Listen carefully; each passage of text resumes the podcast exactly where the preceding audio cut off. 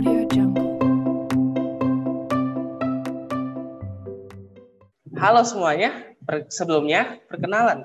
Aku Edi dari FIB 2020 yang akan menemani kalian untuk ngobrol-ngobrol bareng nih di podcast Socio Breakdown yang kedua. Dan gua di sini ditemenin sama teman gua nih. Hai semuanya, kenalin gue Irena dari FIPA 2020. Wih, kita ke sini mau ngapain nih Dan? Kali ini kami kembali nih mau membahas mengenai isu-isu sosial. Wih, isu-isu sosial apa tuh? Pas banget nih, kayak gue lagi tertarik nih sama pembahasan tentang COVID-19. Jadi soalnya beberapa waktu lalu itu ya, gue lihat di berita perkembangan COVID-19 ini semakin parah, di mana perkembangan mutasinya ini semakin parah loh, Ren. Eits, tapi sebelum kita ngobrol lebih jauh nih, kita ada kedatangan seorang tamu nih, yaitu ada Kak Sherry Anastasia. Halo Kak. Halo Irena, halo Edi. Halo. Apa kabar nih kalian nih? Kabar kita baik, Baik. dong Kak. Baik sekali nih, Kak. Iya. Oke, mungkin aku boleh kenalin diri kali ya sebelumnya. Ya, silakan Kak. Ya, siapa? Oke, kenalin ya teman-teman semua. Nama aku Sherry Anastasia. Aku mahasiswa FKM UI angkatan 2017 dan kali ini aku mau sharing-sharing sama teman-teman tentang pengalaman COVID dan juga isu-isu COVID yang lagi uh, happening sekarang gitu. Wih, senior dari FKM nih, asik, mantep bet. Nah, sebelumnya thank you ya Kak udah datang di podcast ini untuk meluangkan waktunya bersama-sama membahas tentang COVID-19 ini. Iya, makasih juga ya teman-teman atas kesempatannya. Iya Kak, thank you. Ngomong-ngomong soal COVID-19 yang sekarang udah tembus lebih dari 1,7 juta kasus nih di Indonesia. Kalau boleh tahu gimana sih pendapat Kak Sherry tentang hal itu? Wah, benar-benar menyedihkan sih ya, karena kita lihat memang sebetulnya sudah ada penurunan kasus harian. Kita bisa lihat dari grafiknya juga kan banyak ya dari uh, grafik itu. Tapi semenjak libur mudik kemarin, itu kita lihat juga ada terjadi peningkatan. Makanya sekarang kan jalanan ditutup, terus juga bahkan ada teman aku nih ya dari Jakarta Timur, itu daerahnya itu dari RT RW-nya kebetulan ada kayak seratusan orang yang terkonfirmasi positif abis mudik coba bayangin makanya jadinya mereka ada kayak micro PSBB gitu loh. Jadi micro lockdown lah gitu istilahnya. Nah itu jadi kan kayak kita apa ya eh, niatannya mau have fun malah ujung-ujungnya jadi kayak gini kayak gitu. Makanya agak sedih sih melihat kita kok mandek di situ-situ aja gitu ya. Tiap kali libur pasti naik abis itu ntar ada turun. Eh libur lagi naik lagi gitu. Menurut aku emang sih eh, COVID ini emang bahaya. ya. Jadi kemarin juga eh, lingkungan aku kebetulan ada arus mudik yang baru datang sampai di daerah aku kan. Jadi kebetulan jadi kalau aku mau keluar kadang aku was-was sama beberapa rumah daerah aku. Terus nih Kak, menurut Kakak seberapa efektif sih isolasi mandiri di rumah? Bedanya isolasi mandiri di rumah dan isolasi mandiri di daerah-daerah tertentu yang disediakan oleh pemerintah. Oke, kalau masalah efektif, em, semuanya pasti ada plus minusnya ya. Kalau misalnya isolasi mandiri di rumah, itu eh, mungkin kita jadi masih lebih nyaman lah ya. Dan kita tahu misalnya kalau mau beli barang gimana, nggak usah harus menyesuaikan dengan kondisi yang baru. Tapi ya negatifnya bisa jadi kan rumah kita itu pasti ada orang lain kan. Dan mungkin ada yang anggota keluarga kita yang negatif gitu. Nah ini yang jadi bingung ini dikemanain gitu kan apakah kita yang harus pergi atau keluarga kita yang jadinya ngungsi gitu istilahnya ke tempat lain nah jadi eh, kalau misalnya masalah efektif mungkin lebih enak kalau yang negatif itu eh, yang positif itu dimasukkan ke satu tempat yang memang isinya positif semua kayak di Wisma Atlet contohnya seperti itu jadi kayak emang terfokus kan di sana juga mereka memang mendapat perawatan yang selayaknya kayak gitu untuk biar bisa cepat sembuh nah sedangkan kalau misalnya yang uh, rumah itu sebaiknya memang untuk yang uh, negatif. Tapi kan ya kita lihat lagi nih kapasitasnya juga nggak cukup. Apalagi sekarang Wisma Atlet udah overloaded lagi. Nah, makanya jadi mau nggak mau memang rumah ya dijadikan tempat isolasi gitu. Makanya ya kalau memang betul-betul memungkinkan aja kondisinya baru di rumah seperti itu. Setuju banget sih Kak. Nah, Mm-mm. ngomong-ngomong soal Wisma Atlet nih. Dengar-dengar Kak Sherry pernah nih menjadi volunteer penanganan COVID-19 di Wisma Atlet ya Kak? Iya bener banget, pas banget setahun yang lalu aku di Wisma Atlet. Cakep banget. Aku salut banget nih sama Kak Sherry. Padahal kan kita sebagai mahasiswa kayaknya pasti wanti-wanti ya. Aduh, gue bakal kena COVID kayak kalau gue jadi volunteer ataupun mungkin eh, apakah aku punya resiko untuk terpapar? Kan virus ini kan bahaya ya. Terus Iya, gimana nih? Menurut Kak Sherry eh, mau menjadi volunteer? Oke, aku mungkin cerita sedikit ya. Um, awalnya itu kenapa aku bisa jadi volunteer di sana karena ada lowongan kebetulan dan waktu itu pas sebelum Wisma Atlet itu diresmikan jadi RSDC gitu kan. Nah, itu mungkin bulan Maret ya, waktu awal-awal ada kasus pertama di Indonesia. Dan kan gak berapa lama kemudian langsung ada mau peresmian. Kebetulan tuh FHCI dari BUMN, uh, Forum Human Capital Indonesia, kalau teman-teman mungkin tahu, itu ngebuka lowongan untuk volunteer dan aku daftar gitu. Nah sebenarnya itu lucu sih karena aku sebenarnya juga takut buat daftar. Cuman karena mamaku dan papaku dan kakakku, keluargaku lah intinya uh, mendukung gitu. Coba aja dulu gitu. Walaupun sempat ya drama-drama biasalah. Namanya juga orang khawatir ya penyakit baru. Nah jadi akhirnya uh, aku coba daftar terus ternyata keterima buat medical check up Nah, tapi memang waktu itu aku nggak langsung dipanggil jadi volunteer. Medical check up-nya itu Maret pertengahan, nggak berapa lama setelah diterima itu. Eh, tapi dipanggilnya baru bulan Juni, literally bulan 1 Juni ini gitu, setahun yang lalu. Jadi kayak istilahnya waitlist gitu. Jadi walaupun aku udah kesehatannya udah oke, okay, cuman ya namanya juga banyak yang mau kan. Karena waktu itu yang daftar 10 ribuan apa sudah ribuan dibilangnya yang keterima cuma tiga ratusan. Nah, bersyukur sih aku masuk ke salah satu itu gitu dan dapat kesempatan. Nah, terus uh, kalau seperti yang Edi bilang, iya nih takut banget kan tentunya. Bahkan pas hari pertama aku jadi volunteer tuh aku kayak ini beneran nggak? Gitu. Karena pas aku datang ke sana tuh aku langsung kayak merasa apa ya deg-degan lah ya kan? Karena kita akan berhadapan langsung gitu dengan pasien-pasien segala macam gitu. Dan rame juga kan di situ. Sedangkan kita harus PSBB tapi kita akan bertemu orang gitu. Jadi kayak rasanya apa ini? Gitu. Udah dua bulan mendem di kamar tiba-tiba harus ketemu orang.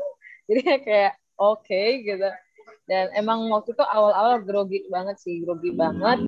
Betul-betul yang kayak eh, nggak uh, mau berdekatan dengan orang padahal satu kamarku itu ada sekitar dua orang tiga orang gitu satu kamar gitu kan. Karena kamarnya juga emang terpisah tempat tidurnya cuman kan keterbatasan tempat pastinya kan jadi kayak gitu. Nah um, di situ sih aku kayak yang penting kita taat sama protokol aja pasti aman kayak gitu. Pikiran aku sih seperti itu gitu. Jadi emang yang paling harus kita terapkan adalah di prokes kita gitu kayak misalnya sesimpel cara pakai masker dan lepas masker itu juga sangat berpengaruh gitu.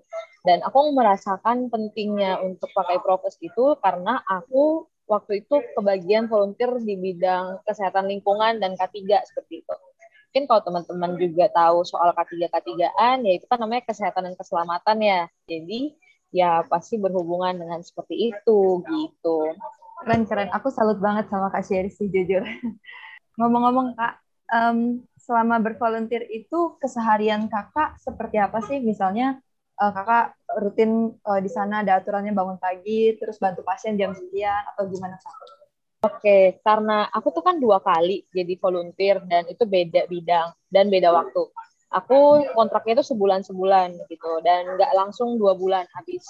Yang bulan pertama pada bulan yang ini uh, itu aku di bidang Kesling K3 tadi. Jadi sebenarnya nggak ketemu pasien, tapi ketemu dokter dan tenaga kesehatan ataupun non kesehatan kayak service dan segala macam yang habis dari towernya pasien, habis dari tempat tinggalnya pasien. Jadi ya secara nggak langsung ketemu pasien lah ya.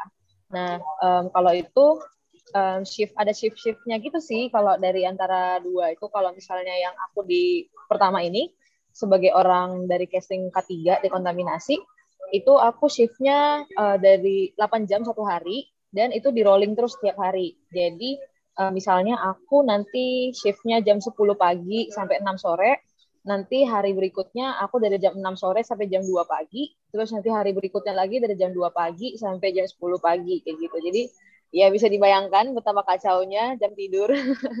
Dan karena aku masih uh, berjalan juga kuliah online waktu itu jadi kayak ya agak semakin kacau lah ya mengatur waktu tidur gitu. Tapi untungnya sih waktu itu mungkin karena awal-awal ya jadi kampus tuh masih yang belum banyak kasih tugas uh, maksudnya bukan banyak kasih tugas sih tugas tetap ada cuman belum banyak mm -mm, masih kayak kuliahnya itu masih yang bingung gitu kan kayak tiba-tiba kayak gini metode kuliahnya seperti apa gitu kan masih gago kan kita pakai zoom kan. Yeah, yeah. nah makanya untungnya sih di situ masih bisa ke handle gitu. Nah tapi kalau yang kedua itu aku bulan Agustus akhir sampai September akhir itu aku nah baru ketemu pasien nih. Nah aku tuh di administrasinya swab Jadi aku yang kayak nulis-nulis dan memastikan data pasien tuh benar. Jadi nanti pasiennya habis di swab, aku yang kayak labelin nama tabungnya dan segala macam. Jangan sampai kebalik tabungnya karena ya bahaya dong. Nanti ada yang hmm. dia masih positif tapi masa jadi negatif atau segala macam gitu kan gawat kan. Nanti main dipulang-pulangin aja gitu betul masih positif gitu.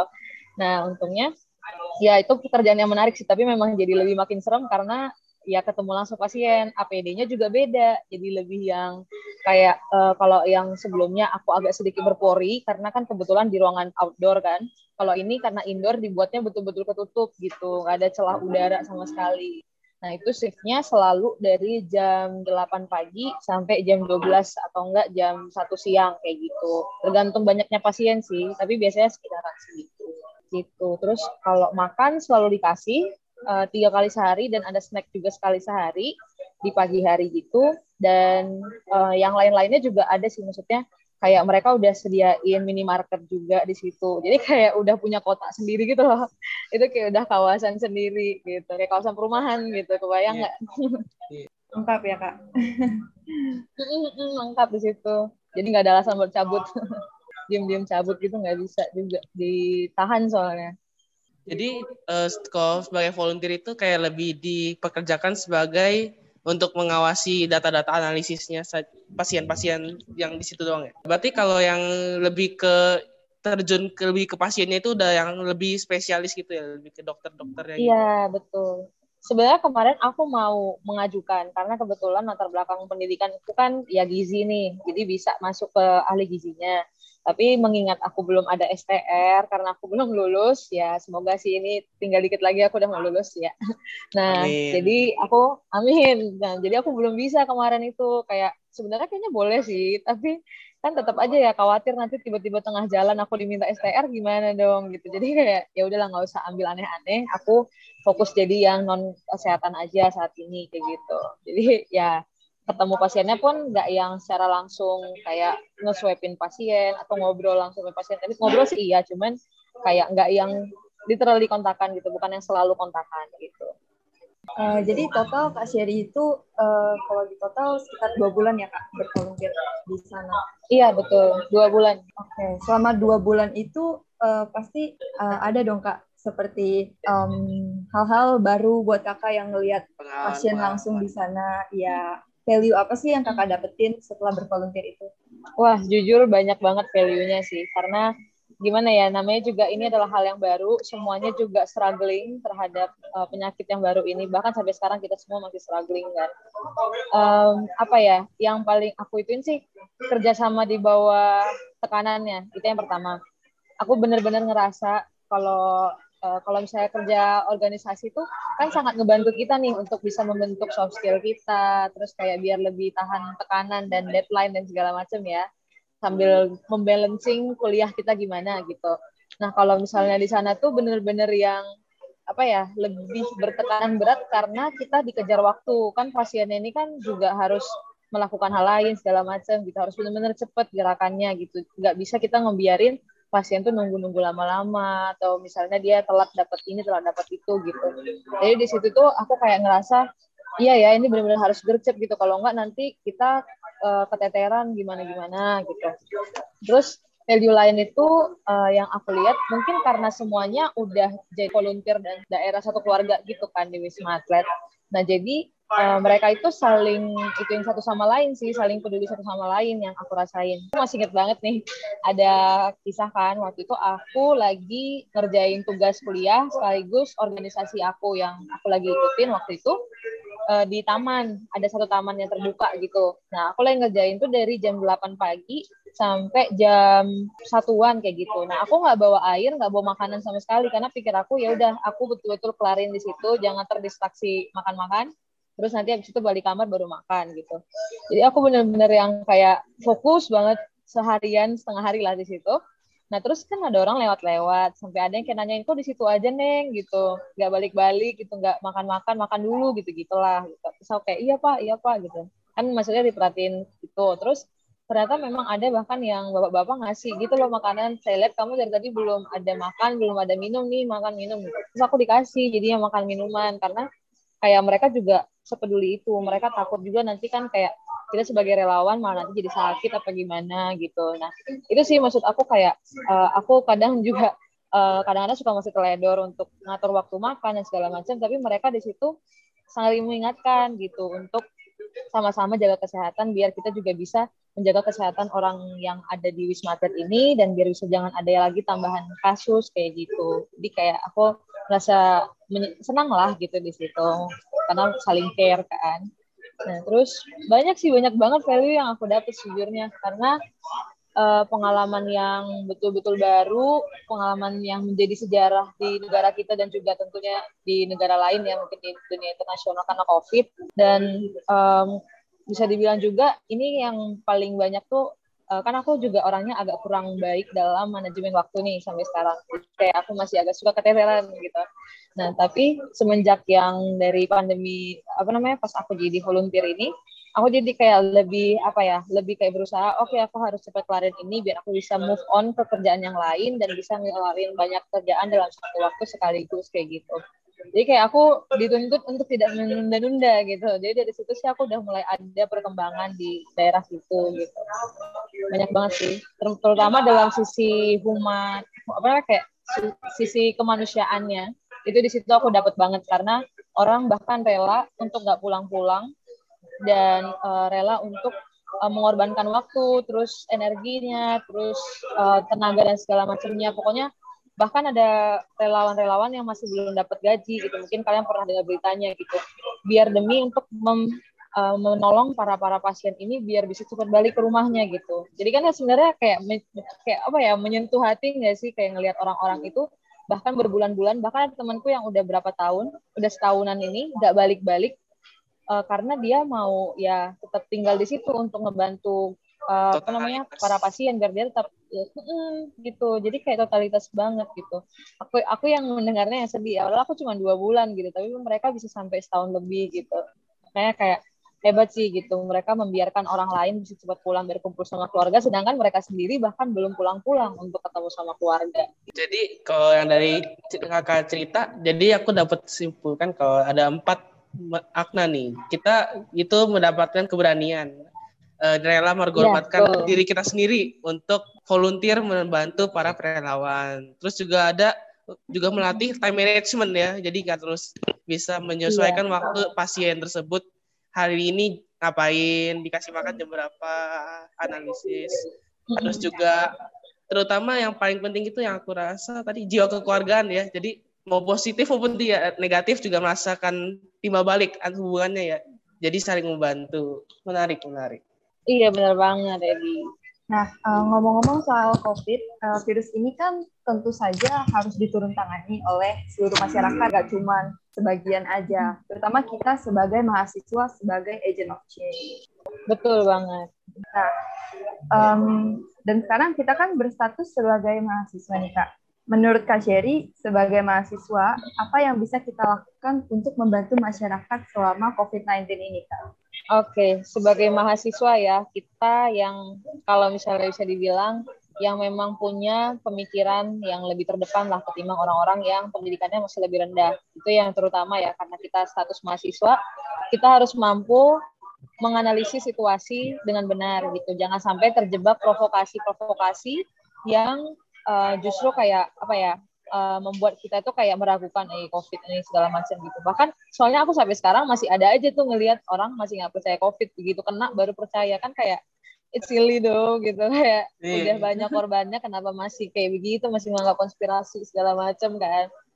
Kayak ya harusnya ya kalau udah tahu nih ada penyakit seperti ini ya kita lihat aja perkembangan dari penelitiannya seperti apa gitu. Dan kadang-kadang juga ada orang kan kayak mungkin mengkritisi ya misalnya uh, peran pemerintah seperti ini pemerintah seperti itu. Ya sebenarnya boleh-boleh aja mengkritisi tapi ingat kritisi itu bukan berarti kita memprovokasi orang supaya jangan percaya pemerintah segala macam. Tapi namanya kritisi kan kita memberikan uh, kritik dan juga tentunya saran membangun gitu. Bukan cuma mengomel-ngomel aja. Karena kalau ngomel-ngomel aja mah kita sebagai mahasiswa ya bukan mahasiswa pun bisa kayak gitu loh gitu. Sedangkan kita mahasiswa harusnya uh, membawa perubahan bukan cuman memba uh, membangun pergerakan dari provokasi dan membangun provokasi doang kayak gitu. Jadi kalau menurut aku ya dari sinilah kita sebagai mahasiswa walaupun mungkin nggak bisa terjun langsung sebagai volunteer atau mungkin nggak bisa yang kayak ya bekerja langsung lah secara langsung untuk membantu pasiennya setidaknya kita menyadarkan orang-orang sekitaran kita biar kita bisa lebih aware lagi sama penyakit ini. Apalagi ini udah mutasinya udah makin banyak yang dari India lah, dari Inggris lah, dan ya banyak lah kan, sampai udah berapa negara juga udah lockdown lagi, buka lagi, lockdown lagi, kayak gitu. Nah dari situ kita yang perlu untuk membangun um, logika yang lurus gitu kepada masyarakat sekitar juga seperti itu. Aku juga senang sih maksudnya teman-teman kayak gini buat acara socio breakdown yang membahas COVID juga karena ini bisa jadi sarana teman-teman untuk menyuarakan kalau misalnya kita harus hati-hati gitu kan sama penyakit COVID dan kayak kita harus lebih sebagai mahasiswa harus lebih um, aware lah untuk bagaimana sih kita bisa menyadarkan masyarakat sekitar kita biar bisa uh, jangan sampai semakin banyaklah kasus yang ada kayak gitu. Jadi kalau boleh aku katakan sebagai mahasiswa ini kita bisa mulai melakukan hal-hal dari yang kecil dulu dari diri kita sendiri ya, mulai ya, dari mematuhi betul. protokol kesehatan gitu ya kak memakai masker betul menjaga banget. jarak betul betul memang awalnya harus dari kita sendiri sih. Karena kita menuntut orang lain berubah padahal kita sendiri belum kan susah ya. Jadi ya mau gimana pun juga dari kita dulu gitu. Baru ntar uh, bisa melihat orang lain tuh kayak orang ngelihat kita oh dia patuh kayak gitu. Atau mungkin kita pun yang meminta mereka untuk ya lebih patuh gitu. Syukur-syukur mau kan. Jadi ya untungnya ya semakin banyak lah yang jadi tergerak seperti itu. Jadi uh, belum lama ini ya kak beredar kan ada wacana nih tentang perubahan kuliahan yang sistemnya hybrid jadi ada setengah offline sama setengah online gini.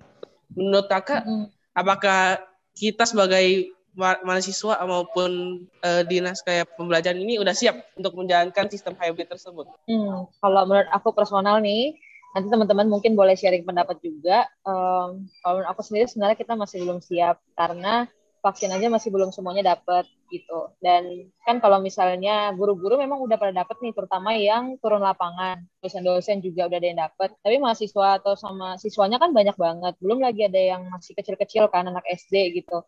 Nah ini kan juga jadi ada tanda tanya kan, maksudnya kayak gimana ya supaya biar bisa eh, sekolah lagi gitu offline tetap muka, terutama karena dilihat juga sama pemerintah memang ya offline agak eh online itu kuliah online atau sekolah online agak memang kurang membangun itu ya membangun pola pikir ya karena mungkin sulit. ya banyak distraksinya sulit kan aku juga merasakan sulit sih memang ya lebih enak offline tapi ya itu kita harus siap dulu dari situnya nah sedangkan menurut aku sendiri kita masih belum siap gitu apalagi karena belum semuanya divaksin nah kalau mungkin semuanya sudah divaksin mungkin ada kemungkinan bisa lah untuk dibuka pelan-pelan seperti itu gitu. tapi yang terpenting adalah divaksin dulu gitu apalagi mengingat sekarang makin banyak mutasi agak serem juga sih kalau harus terus-terusan um, ada sekolah on offline online kayak gitu kalau menurut Edi sama Irena sendiri gimana? Uh, um, Gimana nih Ren? Boleh. Jadi uh, kalau menurut aku juga awalnya awalnya aku pikir mungkin Indonesia sudah siap ya untuk menjalankan sistem hybrid ini. Tapi setelah lihat-lihat mungkin dari lingkungan terdekat deh. Jangan jangan langsung ini. Jadi aku lihat di lingkungan terdekat bahkan masih banyak mas-mas karyawan sekitar rumah saya yang masih belum mengenal apa itu covid. Keluar ke warteg masih ugal-ugalan nggak pakai masker. Di jalan raya nggak pakai masker. Jadi kayak dari situ aja udah menunjukkan kalau masyarakat masyarakat belum siap gitu menerima realita kalau ada covid di sekitar kita. Nah dari situ jadi aku mikir ulang dari sini aja masyarakat belum menerima gimana? Ntar dijalankan perkuliahan ataupun sekolah. Pasti ntar kalau mereka ketemu bareng ngobrol apa ya kalau ngobrol kan pasti apa sarangnya virus ya keluarnya udara dari eh air air dari mulut. Jadi mungkin sejak itu aku berpikir emang Indonesia kayak belum siap untuk menjalankan sistem hybrid ini. Iya benar sih karena masih bandel ya orang-orang sekitar jadi takut juga benar-benar. Um, iya, kalau aku pribadi sebenarnya um, setuju kalau secara sistematis ini Indonesia masih belum siap gitu. Tapi kalau kita lihat dari sisi lainnya lagi, uh, aku juga merasakan bahwa sepertinya kuliah online ini kurang efektif bagi mahasiswa, terutama dalam menyerap materi gitu. Um, ya mungkin bisa diakalin sih dengan cara hybrid, tapi benar-benar yang ada urgensi, misalnya hanya untuk mata kuliah praktikum dan sisanya bisa tetap di rumah. Kalau menurut aku pribadi gitu sih kak. Bener sih, aku juga setuju sama Edi dan Irena dan untuk kalau misalnya pun mau tatap muka ya yang praktikum atau ada keperluan penting ya berarti. Uh, untuk Kak Sherry, ke depannya apabila ada kesempatan lagi, apakah Kak Sherry mau untuk uh, bervolunteer lagi? Oh, aku tentunya sangat mau sih. Ya walaupun ya takut sih setelah udah lama nggak berhadapan lagi dengan situasi seperti itu, tapi ya kalau memang aku dibutuhkan atau mungkin teman-teman lain dibutuhkan juga ya kenapa enggak gitu selama kita pun juga masih usia muda usia produktif ya kita lakukan aja apa yang bisa kita lakukan saat ini kan gitu apalagi ini juga sebagai um, apa ya role model ke orang-orang juga kalau misalnya uh, kita itu bisa membawa perubahan yang baik kepada orang-orang yang lagi positif ini gitu di berkontribusi gitu dalam situasi pandemi ini gitu. Jadi kan uh, aku uh, agak flashback bentar ya tadi. Jadi kan uh, seperti yang kakak bilang tadi relawan yang untuk mendaftarkan diri itu ada puluhan ribu ya. Betul. Itu kira-kira puluhan ribu itu emang semudah itu untuk menjadi relawan atau ada kayak kualifikasi khusus harus dari fakultas eh harus dari kayak jurusan ini ataupun usia berapa gitu? Hmm, kalau yang aku kemarin kebetulan memang ada kualifikasi, tapi sedikit sekali mungkin karena butuh orang banyak dan cepat kan. Jadi kayak oke okay, yang penting usianya di bawah 35 tahun atau usia uh, di bawah apa namanya? usia-usia bahaya gitu. Maksudnya nggak yang usia lanjut atau uh, usia dewasa tua gitu. Terus juga ada usia minimalnya sih 18 tahun, di 18 sampai 35. Kemudian uh, diminta untuk yang betul-betul memang bisa menjadi volunteer di waktu tertentu ini gitu ada dibuat jarak waktunya dan bisa komitmen untuk siap dipanggil kayak gitu terus juga uh, kualifikasi lain disuruh kirim CV tapi aku juga nggak tahu sih mereka buka CV nggak ya ada sepuluh ribuan pendaftar gitu agak nggak yakin sih tapi ya uh, kemarin sih diminta CV dan juga ada menandatangani surat pernyataan bermaterai gitu. Waktu itu belum ada materai sepuluh ribu, jadi masih materai enam ribu gitu. Nah tapi sekarang sih kalau yang dari jalur aku kan aku jalur FHCI karena kebetulan aku itu relawan nah. kesehatan non medis.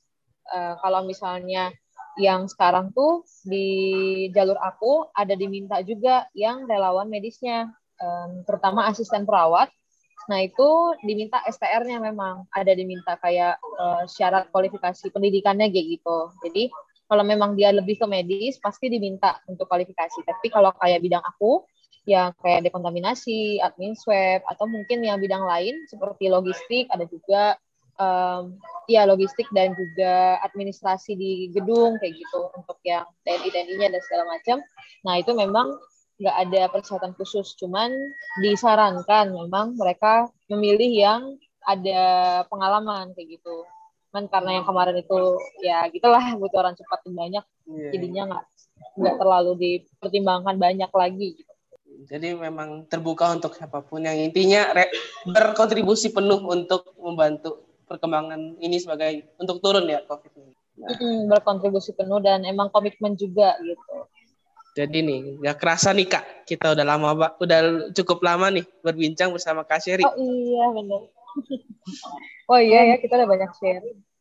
Betul, Kak Sherry udah banyak banget berbagi ilmu dan cerita dari pengalamannya, terutama pas jadi volunteer di Wisma Atlet.